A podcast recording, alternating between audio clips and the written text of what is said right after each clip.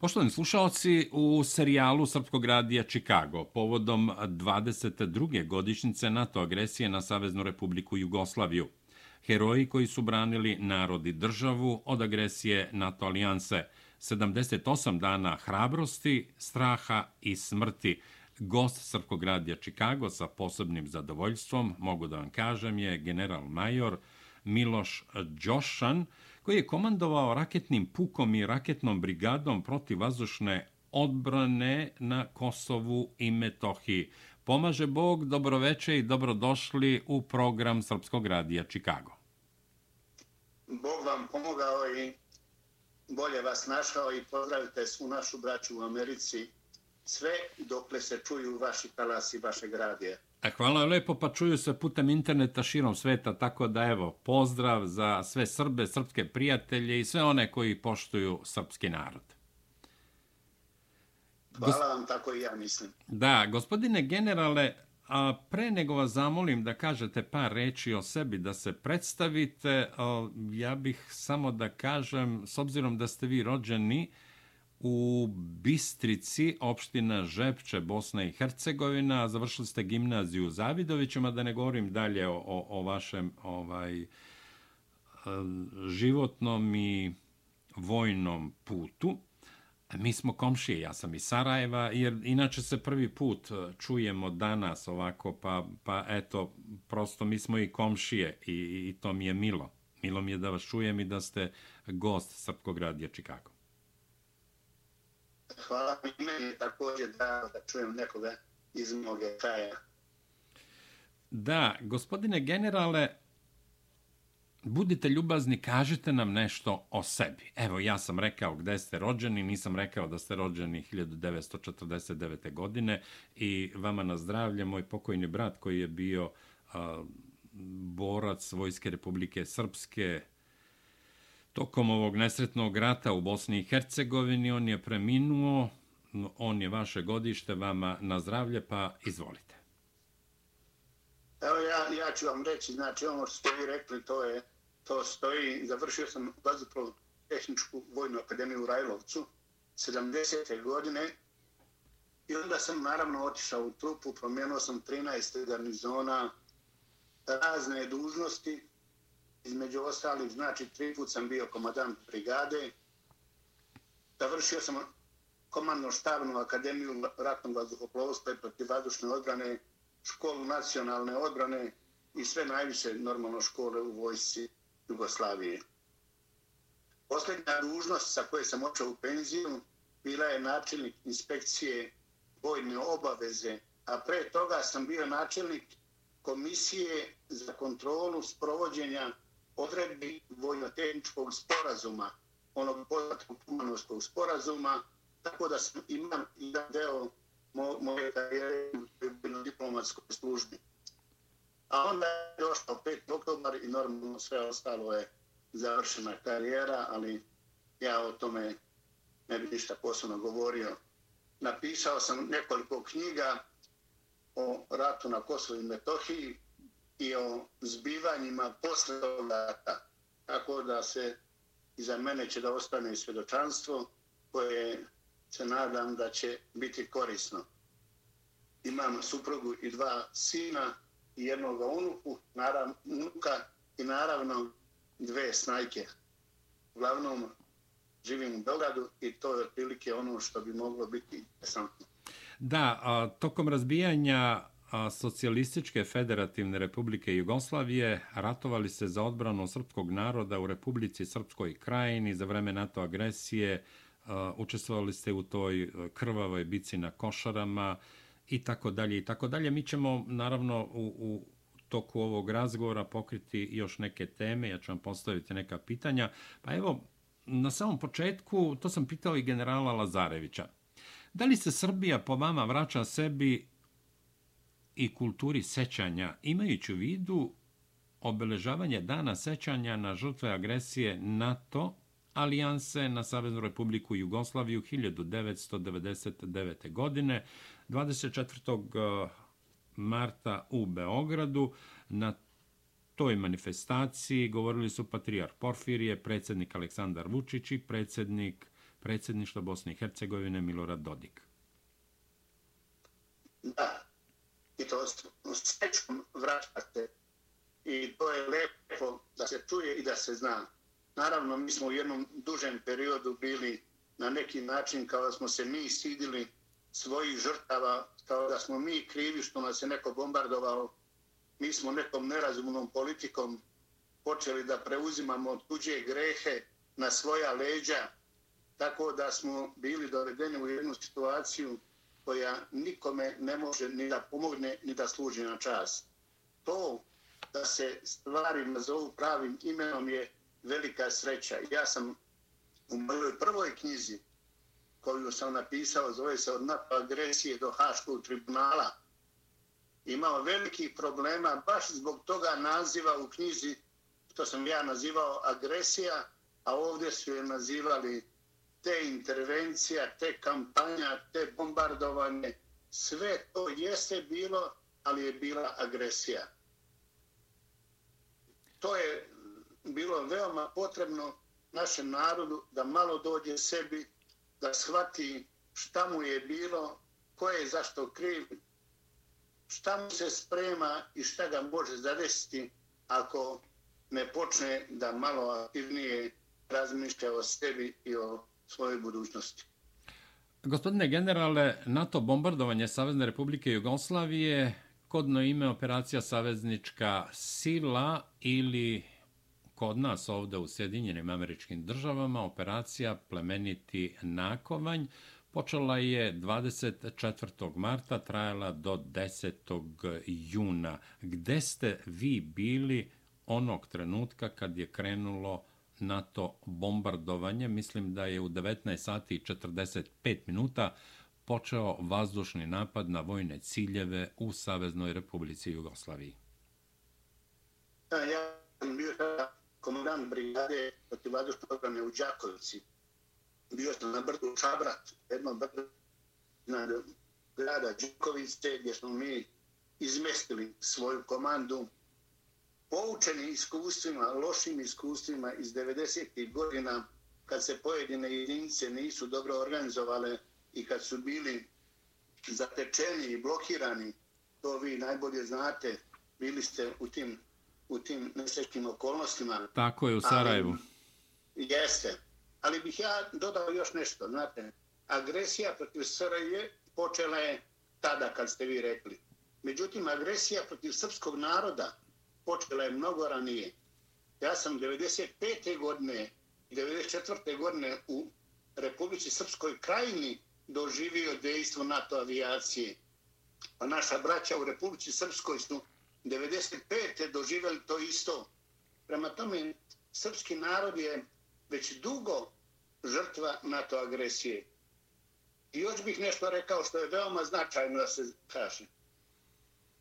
Onaj ko je pratio dosadašnje dejstva NATO, nikada NATO nije dejstvovao ni po jednoj katoličkoj zemlji. Znači, dejstvovao isključivo po pravoslavnim i islamskim zemljama iz čega se jasno može vidjeti šta je osnovni cilj i zadatak NATO pakta. To je ovako bila jedna uzgredna primjedba koju nikako ne treba izgubiti iz vida. A što se tiče početka NATO agresije, ja sam bio znači na brdu iznad Đakovice i posmatrao sam kako krstareće rakete preleću prvi, prvi par krstarići raketa je preletio preko nas i pobudio kušnuju. Sljedeći dve su prema Đakovicu.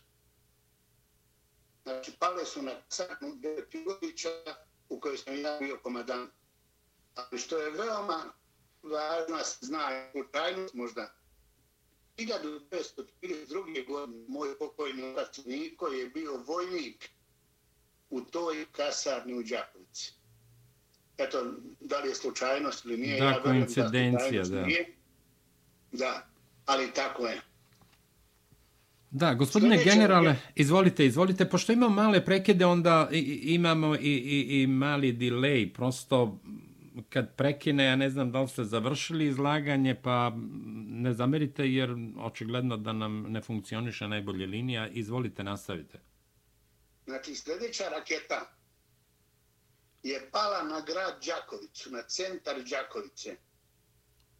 I onda je izazvala ogroman, ogroman požar koji se desio u gradu Đaković. To je jedna čuvena katolička ulica, se zove, koja je bila tako kao neki stari, stari deo grada, koji je bio pun dućana iz nekog turskog vremena, oni se zvali stara kasaba, koji su bili napravljeni od drvenih borovih kućica.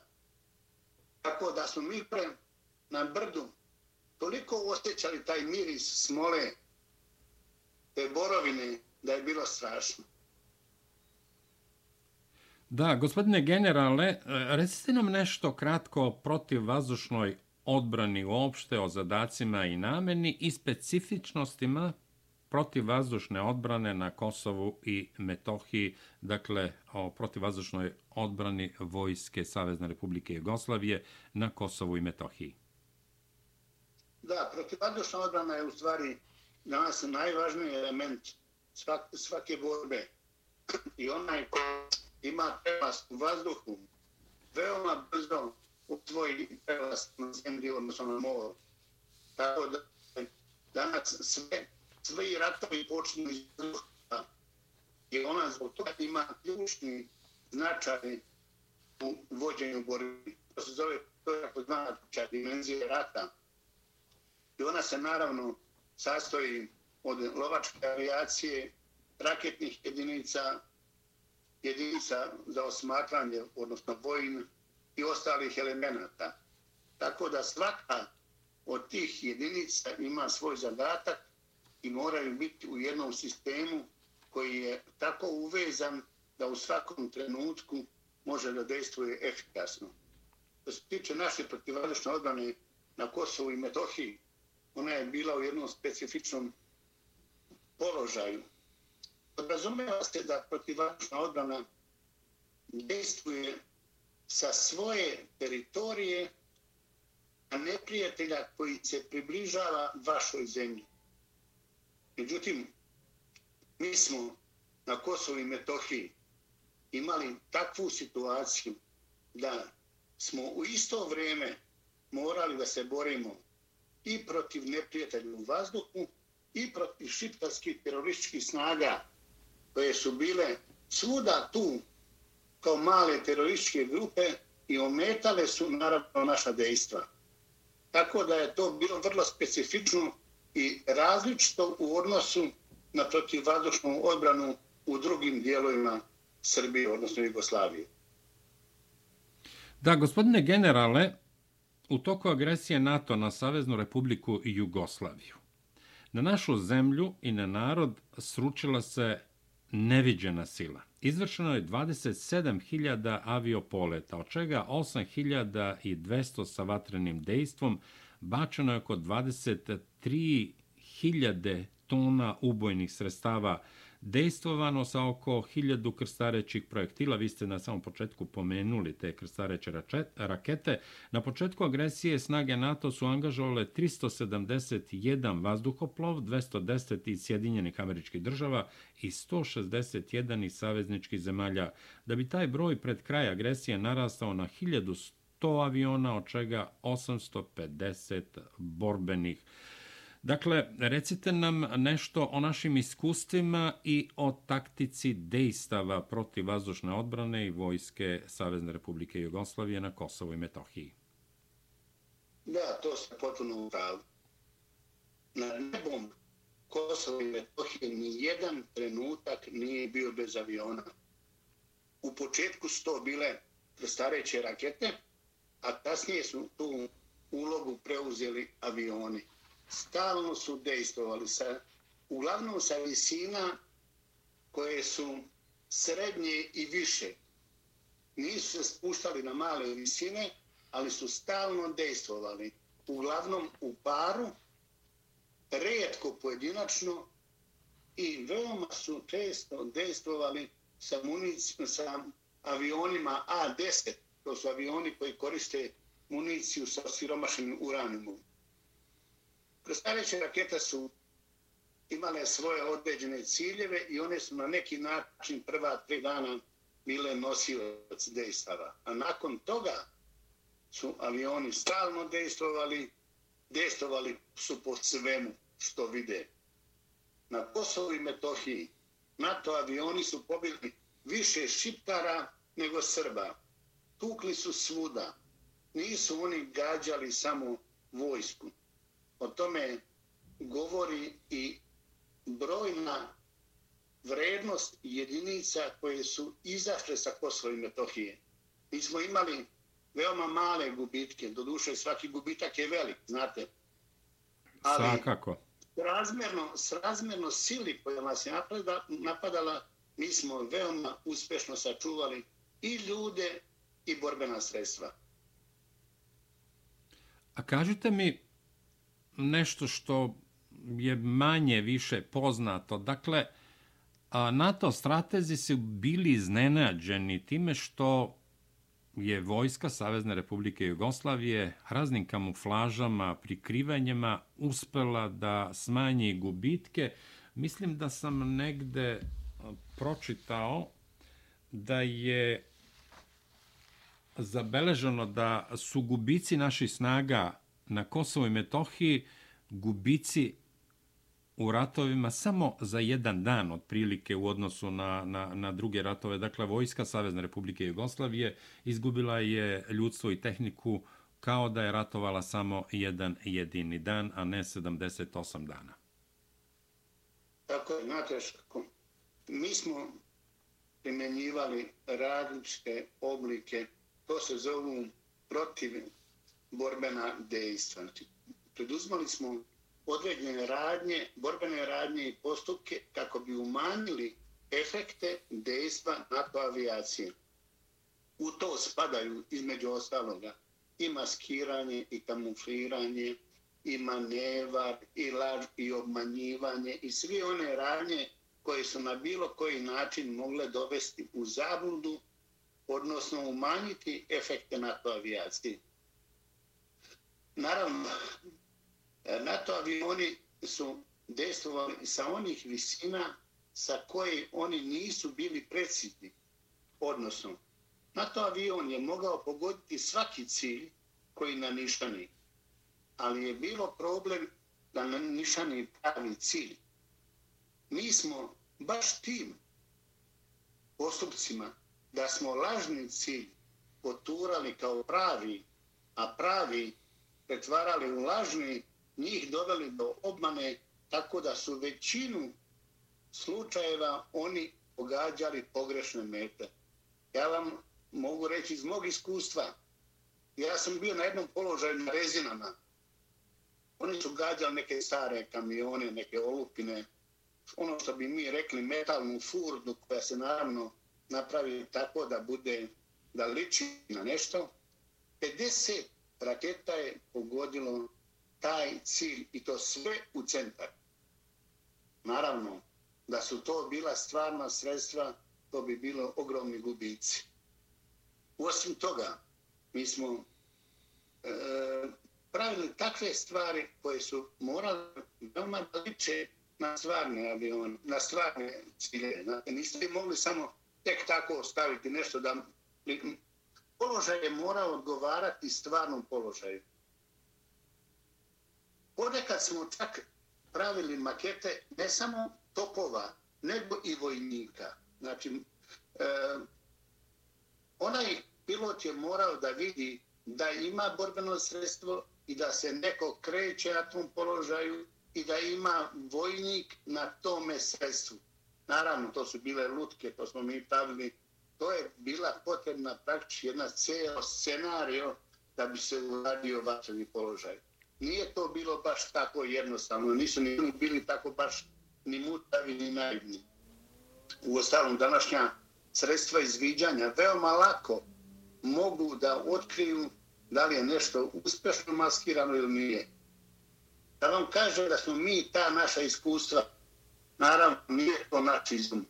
To su i prije radili i druge vojske. Mi smo proučavali iskustva još iz Vijetnamskog rata ali iskustva naše braće iz Republike Srpske i iz Republike Srpske krajine su nam veoma dobro došla meni lično, koji sam tamo bio, bilo je veoma korisno ono što sam vidio da su oni radili. Prema tome ja tvrdim da, su, da je umješnost našega komandovanja i maskiranja i od preduzmanje određenih mera bilo ključno da zaštitimo naše ljude i sredstva. Da, gospodine generale, tokom 1999. godine, tokom agresije NATO alijanse, vodila se borba na život i smrt za slavu i čast za slobodu svete srpske zemlje. A, samo da, da, da vidim, da, Za vreme NATO agresije, da ne pogrešim negde, moram da napravim ovu malu pauzu, za vreme NATO agresije i u bici na Košarama vi ste komandovali 52. artiljerijsko-raketnim sistemom, odnosno brigadom, pardon, protivazdušne odbrane u Đakovici. U toj borbi, odnosno zbog hrabrosti koju ste pokazali, odlikovani ste ordenom za hrabrost i medaljom ratnog druženja Ruske federacije. Pa molim vas za kratak komentar. Da vam ja sam znači bio komadant brigade, e, većina mojih borbenih sistema bilo je znači, na Prokletijama, odnosno u Đakovici i okolini, ali smo imao moje jedinice i na cijelom teritoriji Kosova i Metohije. Znači, ne samo u Đakovici, imao smo i u Gnjilanu, i u Prištini, i u Kijevu, i u Iglarevu, i tako dalje. Ali težišno je bilo dejstvo naših jedinica na, ko, na košarama i u neposrednoj blizini znači košara. Jesam naravno odlikovan sam ja, ne samo ja, nego mnoge moje kolege i smatram da je to priznanje i jedinici i mojim drugovima ratnim koji su zajedno sa mnom bili na tim mestima, što kažu, gdje je trebalo stati i postajati. Nije to neka posebna, naravno velika je to čast, ali su mnogi kođe zaslužili to odlikovanje, mnogi su ga i dobili, ali i oni koji nisu formalno odlikovani svakako su zaslužili tu čast. Gospodine generale, tokom 78 dana NATO agresije na Saveznu republiku Jugoslaviju, prema mojim informacijama, mislim da su one validne, pogođeno je i uništeno od strane vojske Jugoslavije 63 aviona, 7 helikoptera, čini mi se 33, ja imam ovdje 30, ali nije važno, 30 ili 33 bespilotne letilice, i 338 krstarećih raketa. Sa druge strane, ono što je zapanjilo svet, to je baranje takozvanog nevidljivog taktičkog bombardera F-117 A 27. marta 1999. godine kod Buđanovaca u Srbiji. Pa molim vas za komentar. Da, znate, u, u svakom ratu svaki, svaka strana pokušava da prikrije svoje gubitke, a da prikaže e, veći broj gubitaka na drugoj strani. Tako smo mi imali dugo vremena veliki problem sa takozvanim priznavanjem, priznavanjem efekata naših dejstava. Naravno, avion F-117A koji je oboren u Buđanovcima, da je slučajno pao samo e, neki kilometar dalje i da nije pao u našu zemlju, pitanje je da li bi Amerikanci ikada priznali da je oboren. Znate, da je onaj oficir koji je lansirao raketu samo 3 sekunde, kasnije je lansirao raketu, avion bi pao negdje ili u Hrvatsku ili Bosnu i Hercegovini. Pitanje je da li bi mi mogli doći do njega i da ga snimimo i da li nam ko vjerovao. Znate, u svakom ratu se gubici, sobstveni gubici kriju, a posebno ako se radi o takvom jednom sredstvu kao što je navodno nebiljivi avion. Naravno, ja sam, ja sam raketaš, meni je struka raketne jedinice. Nema nevidljivih aviona. Ima onaj koji se slabije, teže uopšta ili teže se prati. Ali sve ono što je u vazduhu, od njega se odbija elektromagnetna energija. Umešnost naših starešina koji su bili u toj borbenoj posluzi je pokazala da je veoma važna osposobljenost. Osposobljenost, a mi jesmo bili osposobljeni. Ja vam mogu reći da sam ja tri puta u karijeri bio na borbenom gađanju u Rusiji, u Ašuluku, to je u Astrahanskoj oblasti, gdje smo gađali veoma, veoma slovne ciljeve, gdje se jedna raketa lansira, a drugom raketom je gađate. Inače je poznato da su Rusi u protivvazdušnoj odbrani uvek bili jednu do dve generacije ispred, ispred sredstava NATO. Prema tome i navodno zastareli sistem kojim je oboren, on je pogodno star, ali je veoma efikasan i racionalan. A posebno ako je u rukama oficira, odnosno posade, koja zna da ga upotrebi. I to je bila naravno velika i čast i veliki moralni, veliki moralni podvig i to je ohrabrilo nas koji smo čuli za to i koji smo saznali širom sveta je to podiglo moral svima, a posebno našem narodu. Da, gospodine generale, kad pominjete Ruse, kažite nam nešto ako znate, naravno, o nabavci sistema S-300 pre agresije NATO alijanse od, e, od Rusije, koji je navodno sprečio Boris Jeljcin i mislim da je to bio ministar inostranih poslova Ivanov. O tome je govorio nešto general Jovan Milanović, obaveštajac i diplomata, koji je pre nekoliko dana bio gost Srpskog radija Čikago. Da li nešto znate o tome? I naravno, svi kažu da, da je vojska Savezne republike Jugoslavije u to vreme imala a, sisteme S-300, da bi ishod rata bio potpuno drugačiji i sa druge strane, da li nešto znate o tim sistemima S-300, S-400, jer ste vi stručnjak pa evo da čujemo i, i, i šta su ti sistemi S300, S400 i zbog čega nismo dobili te sisteme pre agresije NATO alijanse? Naravno, da, da smo imali S300, ne bi ni bile agresivne. To je takav sistem. Drugo što je važno znati. Prva rezolucija koju su Ujedinjene nacije donijele Savjet bezbednosti početkom razbijanja SFRJ bilo je zabrana kupovine novog oružja. Svaka zemlja koja je planirana da bude napadnuta, a to se planovi prave 10 do 20 godina unapred, a za Jugoslaviju se 78. godine ono što da se ona ima razbiti. Prema tome, svaka priča o tome da li se moglo izbeći, ne, nije moglo, to je suvišna mi nismo imali S-300 i nismo ga mogli ni uvesti. I da nam ga je Boris Jelcin dao, a nije, mi ga ne bismo mogli dovesti. Znate, ja sam raketaš, mi smo i naši manji sistemi, to je onako što kažu velika skalamerija. Ima tu jako da, mnogo kamiona, mnogo sredstava. To kad se krene na marševanje, to su kolone duge po 20 km. U vreme sankcija koje su bile nije mogao proći kamion, a ne tolika sredstva. Prema tome neke razne priče kao Milošević nije hteo da kupi ovo ono, to je bez osnova i meni je to poznato.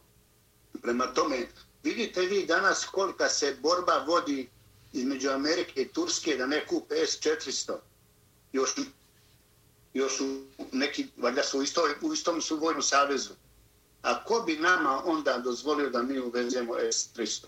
Ali da smo ga imali, sigurno, to su veoma savremeni sistemi, imaju veliku mogućnost borbenih dejstva, otkrivanja i gađanja na velikoj daljini, može da gađa istovremeno više ciljeva, može da gađa u elektronskim smetnjama, može da bira ciljeve, da uvijek gađa prvo onaj koji je najopasniji, to je nešto najsavremenije što postoji. I zato danas jeste velika borba oko toga da li će Turska ili neka druga zemlja kupiti S-400 ili neće. S-400 se eh, govori da može na 400 km da vidi da gađa ciljeve. S-300 da može na 300 km gađa ciljeve. Prema tome, mi da smo ga imali, ne bi Alaks bio iznad Mađarske, niti iznad Jadranskog mora, znate. A onda bi sve bilo drugačije. Prema tome priča o tome da e, smo imali ili da nismo ga htjeli uvesti pre NATO agresije, nema osnove. Tako. Da, kažite mi u vezi sa tim kako je danas stanje u protivazdašnoj odbrani vojske Srbije, koliko je modernizovano, evo svedoci smo da stižu i da su došli avioni MiG-31, čini mi se, ili MiG-29, kako je stanje u protivazdašnoj odbrani? Naravno, sa promjenom te tog opšteg odnosta prema, prema, prema nacionalnom nacionalnom biću, prema, prema nacionalnim interesima, menja se i odnos prema vojsci kao jednom od najsigurnijem i najstabilnijem sistemu koji čuva e, državne interese i državu. Tako da se i vojska modernizuje, naravno u skladu sa našim borbenim mogućnostima. U svakom slučaju, ona je danas sposobna da se brani od, od, od, od tako da kažem, ako malo pokušavam da, da izaberem pravu reč, od regionalnih tako napada nije lako, naravno, ali u svakom slučaju treba biti tu oprezan i stalno modernizovanje je u našem interesu i podizanje borbene gotovosti u tom smislu. Da, ja, naravno sam u penziji, nisam baš, ali pratimo situaciju. Veseli nas i raduje nas svaki naš napredak, svaka kupovina borbenih sredstava, svako uvežbavanje, svako gađanje, sve ono što može podići borbenom gotovost, jer mi, ako iko ima iskustva u tome, to smo mi. Da, gospodine generale, da se vratimo ponovo na Kosovo i Metohiju. Recite nam nešto o sad dejstvu NATO i terorističkih snaga. E, radi se, čini mi se, o zajedničkoj komandi i nešto o dejstvima NATO avijacije po izbegličkim kolonama i civilnim objektima na Kosovo i Metohiji. E, da li su oni srpski ili albanski, jer su velike žrtve među albanskim narodom? Da, to se očito je i pokazalo se da je NATO avijacija imala stalnu vezu sa teroristima, da je bila sa njima uvezana u jedan sistem komandovanja. To se u vazduhoplovstvu zove sadejstvo. To se pokazalo i u bici na košarama, a i kasnije. U trenutku kad su teroristi na košarama napadali jače, tada je NATO avijacija pretežno tukla po našim položajima. Izuzetno su bila velika dejstva znači po košarama, po paštriku, po, po mestima, po Đakovici, po mestima koja su znači, bili ili prva linija ili rezervni položaj. Posebno je tu poznato dejstvo aviona 10 koji je e, koristio municiju sa sredmošnim uranijom, ali i strategijski bombarderi B-52, to je prosto čudo da na jednom tako malom ratištu se koristi takva avijacija. Ja sam vidio kada su ti avioni prelepali naše položaje, to su ogromne, ogromni tepisi bombi koji zaspu i za koji praktično ne ostaje ništa. Vidio sam kada je šarsko naselje planeja, nedaleko od Prizrena, sravnjeno sa zemljom u jednom trenutku. Znači, prosto je nesrazmerno taj način koliko je tih dejstava bilo prosto je pravo je čudo da je iko preživio, a bili su gubici tamo. General Delić o tome mnogo govorio i zna naravno to je bila njegova jedinica i veoma uspešno su se oni tu nosili sa takozvanom Atlantskom brigadom koja je, koja je sastavljena od šiptara iz Amerike koji su, a upravo njih je podržavala ta strategijska avijacija. Prema tome, sasvim je sigurno, kada su naše snage napadale na teroriste, oni su tukli po nama. Kada su njihove snage napadale nas, oni su tukli opet po nama.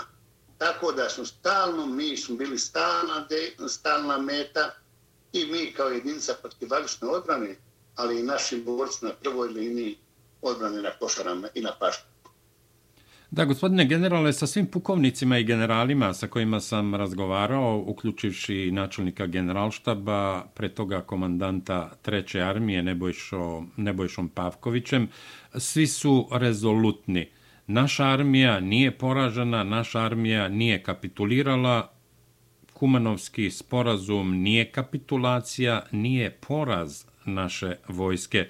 Vi ste vršili dužnost načelnika komisije za primjenu vojno-tehničkog sporazuma iz Kumanova, odnosno rezolucije 1244, pa recite nam nešto i o tome. Da, ta, ta komisija je bila sastavljena iz dva dijela, znači postojao je ovaj deo NATO, odnosno deo KFOR-a i naš deo. Ja sam bio na čelu našeg, našeg dijela, a na čelu dijela KFOR-a bio je francuski brigadni general Bruneve.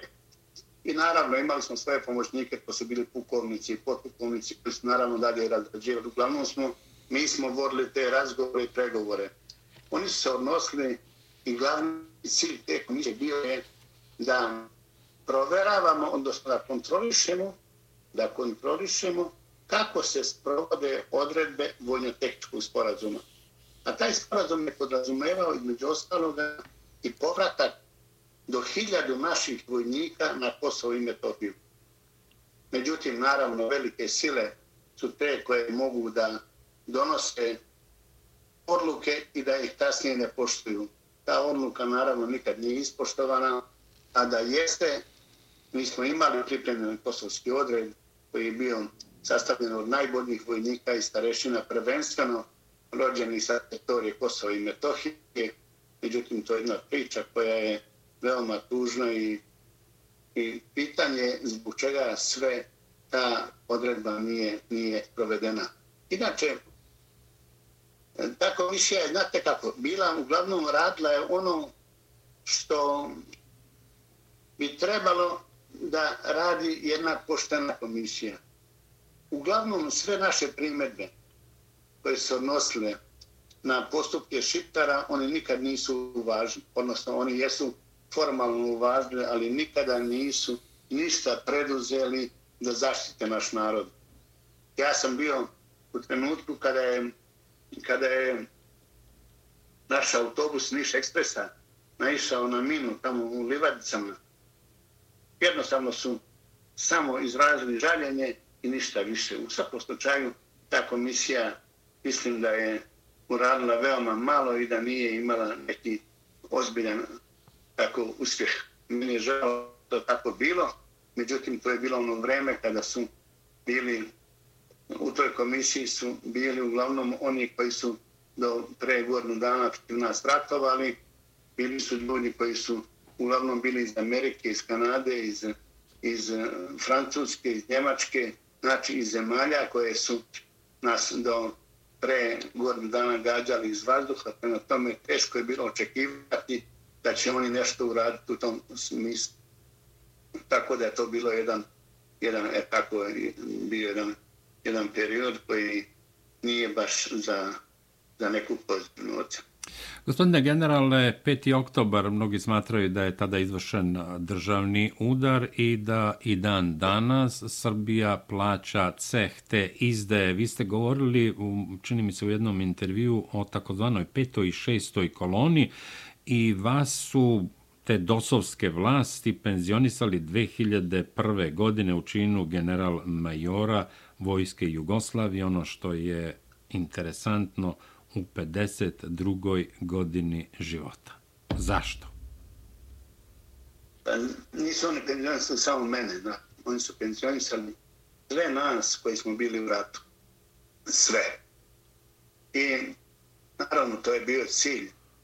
Znači, one koji su bili na višim položajima poslali su u Hag kao mog slavnog komadanta armije generala Pavkovića, generala, generala Lazarevića, nas, komadante brigada, su ostavili onako na tihoj vatri, često tako nam preteći, pokušavajući da podignu koje kakve optužnice protiv nas. U svakom slučaju bio je cilj da se niko više ne odluči da bude komadant u ratu.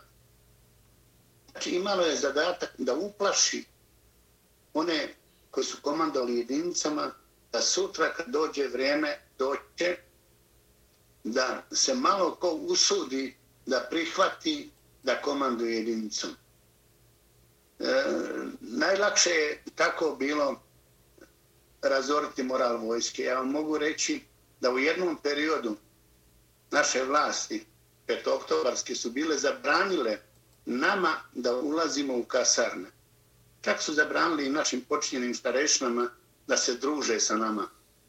Tako da to je bila jedna mučna situacija, ali sva sreća, pa je to vrijeme prošlo, tako da sad je mnogo bolje i mnogo drugačije. To će se veoma pozitivno odrasti i na moral boraca i na moral naroda, što je veoma važno da narod shvati više. Ipak nismo u situaciji kao ono posle 5. oktobra. Gospodine generale, vi ste bili svedok odbrane predsjednika Savezne republike Jugoslavije Slobodana Miloševića u Hagu i svedok odbrane generala policije Vlastimira Đorđevića 2010. Slobodanu Miloševiću svedočili ste 2005. godine. Pa recite nam nešto i o toj haškoj pod navodnicima Odiseji. Da, ja sam bio svedok odbrane, smatrao sam da je moje mesto tamo u svog vrhovnog komadanta. Slobodan Milošević je, nije bio samo predstavnik SRJ, on je bio vrhovni komadant oružanih snaga i on je komandovao borbom. Slobodan Milošević nije kao nekad neki kolega u inostranstvu kad je, poče, kad je počela borba za svoj narod. I jeste svo vrijeme komandovao sa nama. I ono što smo mi radili, ja sam išao da posvjedočim. I kad sam se susreo sa njim, pošto on bio sam svoj ja sam na pripremi sa njim razgovarao, on je mi rekao ovako, generale, nemojte vi da bi pokušali da nešto, da bi zaštitili mene, kažete kako nije bilo. Recite istinu i bit će sasvim dovoljno. I tvrdim da mi, svjedoci, nismo imali potrebe ništa da izmišljamo, govorili smo onako kako je bilo. U ostalom, na sudu se ne smije ni lagati, vrlo je opasno kao svedok govoriti neistinu. A mi nismo imali nikakve potrebe da bilo šta sakrivamo ili da bilo šta menjamo. U ostalom, bili su tu naši dokumenti, naši ratni dnevnici, naše naredbe, naši izveštaj, sve ono što služi sve su u Hagu imali, oni su imali svaki dokument koji sam ja potpisao i koji su potpisali naravno i moje kolege, sve ono što sam u kom trenutku naredio i rekao, sve su znali. Prema tome nije bilo nikakvog razloga da se bilo šta laže, u ostalom smatrao sam da je čast braniti svoju zemlju, pa i pred sudom, ako je već do toga morao doći. Kamo sreće da nije došlo i zna se kako je došao, došlo do toga da Slobodan Milošević ode u Hag. To je naše najveće prokledstvo, ali eto tako je bilo. Na Vidovdan. Na Vidovdan, znate, mnogi ljudi ne znaju da Srbinu je bolje dirnuti u očinji vid nego u Vidovdan. I kogod je Srbinu nešto uradio na Vidovdan, nije dugo poživeo. Znate, Murat je na Vidovdan napao, napao Srbe na Kosovu polju, pa je poginuo iz tog dana. Ferdinand je, Ferdinand je u Sarajevu provocirao srpski narod sa onim manevrima, pa nije baš prošao najbolje. Prema tome, onaj ko osramoti i oskrnavi Vidovdan, svakako mu se ne piše dobro. Da, gospodine generale, vi ste napisali nekoliko knjiga generalov kosmetski put od NATO agresije do Haškog tribunala, okupirana zemlja, Rafal iz zadnjeg ešalona. Ovaj posljednji naslov vaše knjige, Rafal iz zadnjeg ešalona, imali veze sa petom i šestom kolonom?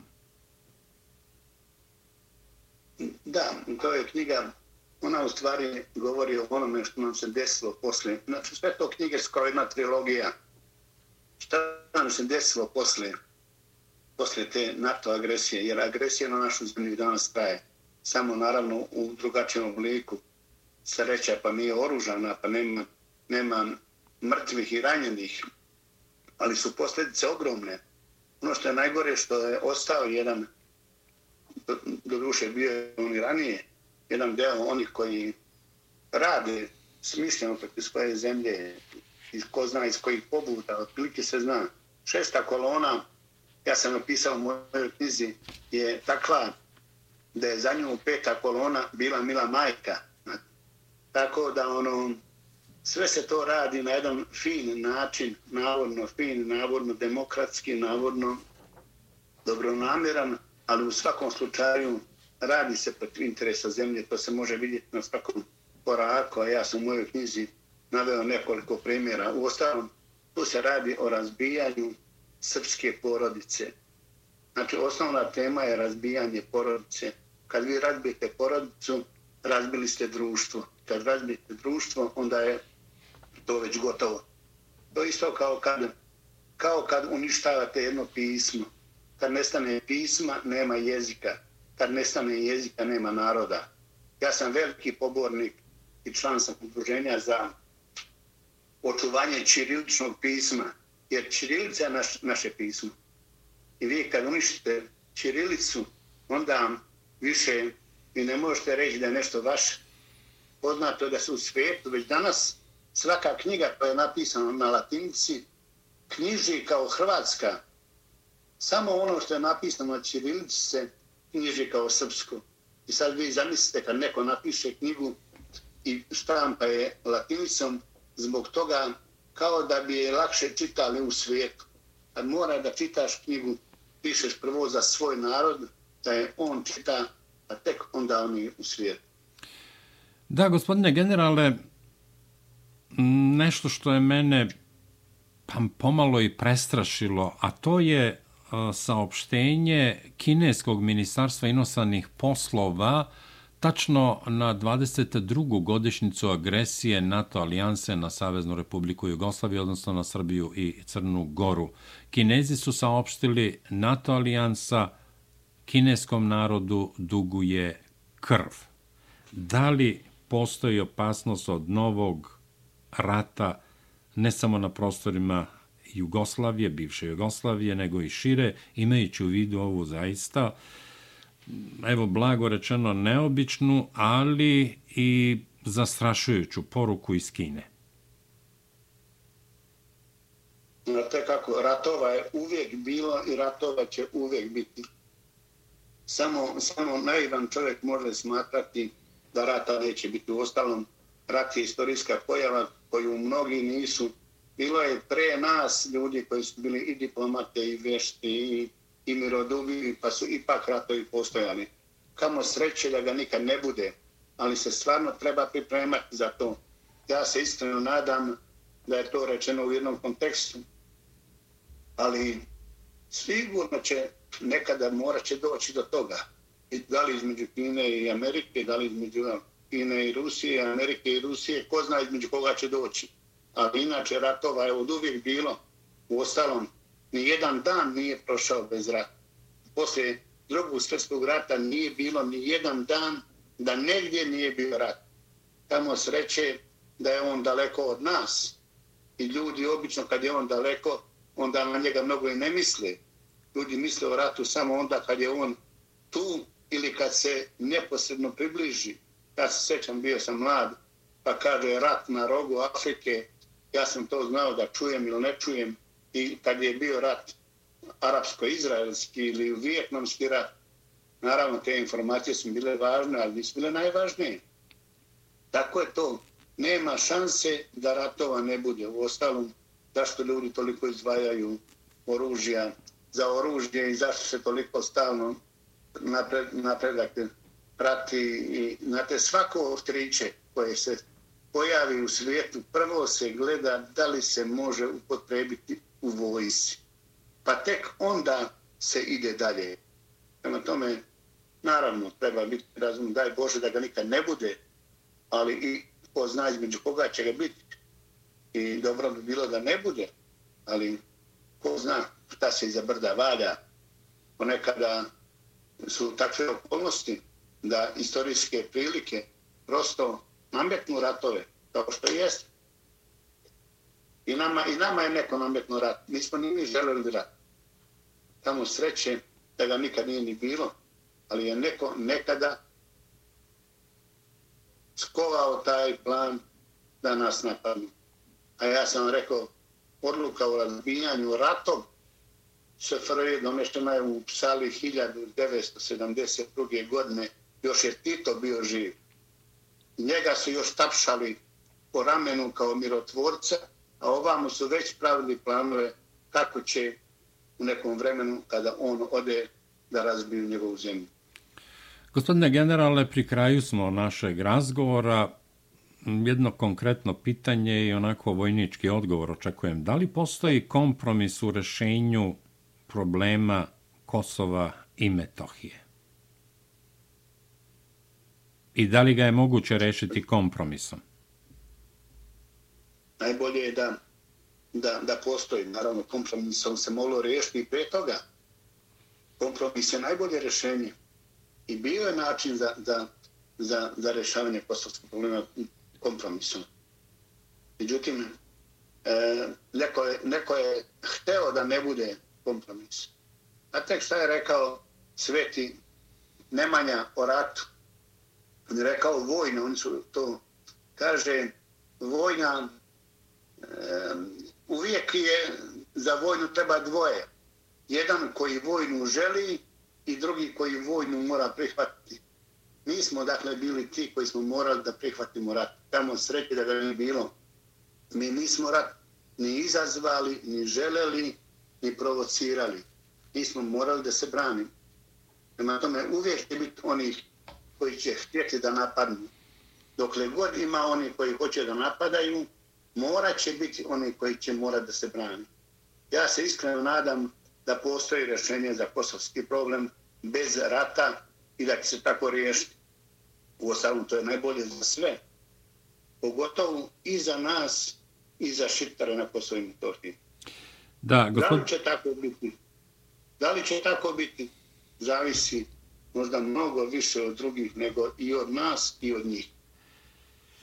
Gospodine generale, vi ste član izvršnog odbora kluba generala i admirala Srbije, pa recite nam nešto kratko o tome, jer o tom klubu se malo zna, bar evo, do mene ne, ne dopiru neke informacije, nema u javnosti. Šta je klub i čime se bavi? Pa klub je znači udruženje, znači, udruženje e, penzionisanih generala i admirala koji su osnovani sa ciljem da promovišu tradicije srpskog naroda, poštovanje vojničke profesije, da promovišu vrednosti generalskog kora, da se bore i da prate i da predlažu organima da proučavaju iskustva drugih vojski, da svoje da svoje iskustvo u odbrani zemlje pretoče u razne knjige i časopise da mogu da štampaju svoje, da govore o onome šta smo prošli i kako smo se borili. U generala i admirala je izdao, dosta, objavio dosta knjiga, ali je i organizovao međunarodne konferencije zajedno sa Beogradskim forumom za svet ravnopravnih i za društvo, sa društvom srpskih domaćina e, međunarodne konferencije svake godine do sada je bilo međunarodna konferencija dan NATO agresije.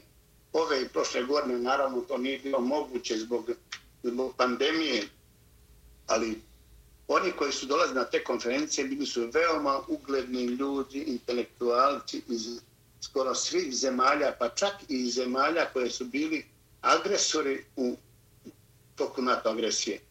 Lagano e, sazreva svest o tome šta se stvarno desilo 99. ko je bio glavni krivac i šta je bio povod. Tako da mi taj svoj rad vidimo u tome. Mi nismo e, organizacija vlade, mi znači nemamo nikakve dotacije, sami sebe finansiramo od svoje članine, ali u svome radu težimo da se bavimo znači, naučnim radom. Ja mogu reći da kod nas u klubu postoji je 35 doktora nauka. Imamo profesore, doktore koji danas predaju na mnogim univerzitetima. Prema tome, tu je možda najveća koncentracija e, školovanih ljudi. I da se toga tiče, mislim da je klub opravdao svoje, svoje postojanje. Objavili smo nekoliko zbornika radova, objavili smo desetine knjiga o, o NATO agresiji i o drugim ratovima, tako da mislim da je postojanje kluba veoma važno i da ima svoj smisao. U ostalom, i druge armije imaju takva ili slična udruženja. I mi smo, u ostalom, naš klub je član i međunarodnog udruženja boraca za mir. Jer generali nisu ti koji počinju ratove. Ratove vode države, a vojnici vode oružanu borbu. I kamo sreće da ratova nikad nije ni bilo. Da, evo i ovaj naš današnji razgovor je promocija kluba generala i admirala. Ja kao bivši razvodnik, instruktor u saobraćajnoj vojnoj policiji ne mogu da budem član, ali evo mogu da vas podržim i da vam poželim sreću u radu i u budućnosti naravno. I pri samom kraju, gospodine generale, moram da kažem da ste vi veliki poštovalac srpskih pravoslavnih svetinja. Posetili ste Svetu Goru, pohodili ste, da tako kažem, Svetu Goru i manastir Hilandar u septembru 2016. godine i Svetu zemlju Palestinu u novembru leta gospodnjak 2018. To znači da ste vi i hađija. Tako, tako je, Bogu hvala. Ja sam zaista posjetio, to mi je bila i velika želja i čast mi je i osjećam se zbog toga se osjećam veoma srećno i rasterećeno i jednostavno smatram da bi svaki Srbin morao, pošto pohodi naše manastire na Kosovo i Metohiji, otići u Hilandar, pokloniti se našim svetnjama i naravno pomože posjetiti svetu zemlju Palestinu, da, da dovrši ono što je ovdje započeto. Meni je čast da sam Adžija i nekada sam, naravno, kao oficir, nikad nisam ni sanjao da će doći do toga, ali mi je mnogo drago da se vjerska služba ponovo vratila u vojsku. E, onaj ko je dobar vernik nikad ne može biti zločinac. Onaj ko poštuje Božije zakone ne može se ogrešiti o zakone jedne zemlje. Ljudi koji su vernici, iskreni vernici, ne mogu učiniti zla. Svako onaj ko želi i hoće da bude dobar vjernik, svaka će biti i dobar borac, i dobar vojnik, i dobar, i dobar hrišćan, i, i, i, i, i sve će biti, samo neće biti zločinac. Tako je, gospodine generale, hvala vam što ste odvojili vaše vreme i govorili za Srpski radio Čikago. Hvala vam i meni je bilo čast i pozdravite našu braću.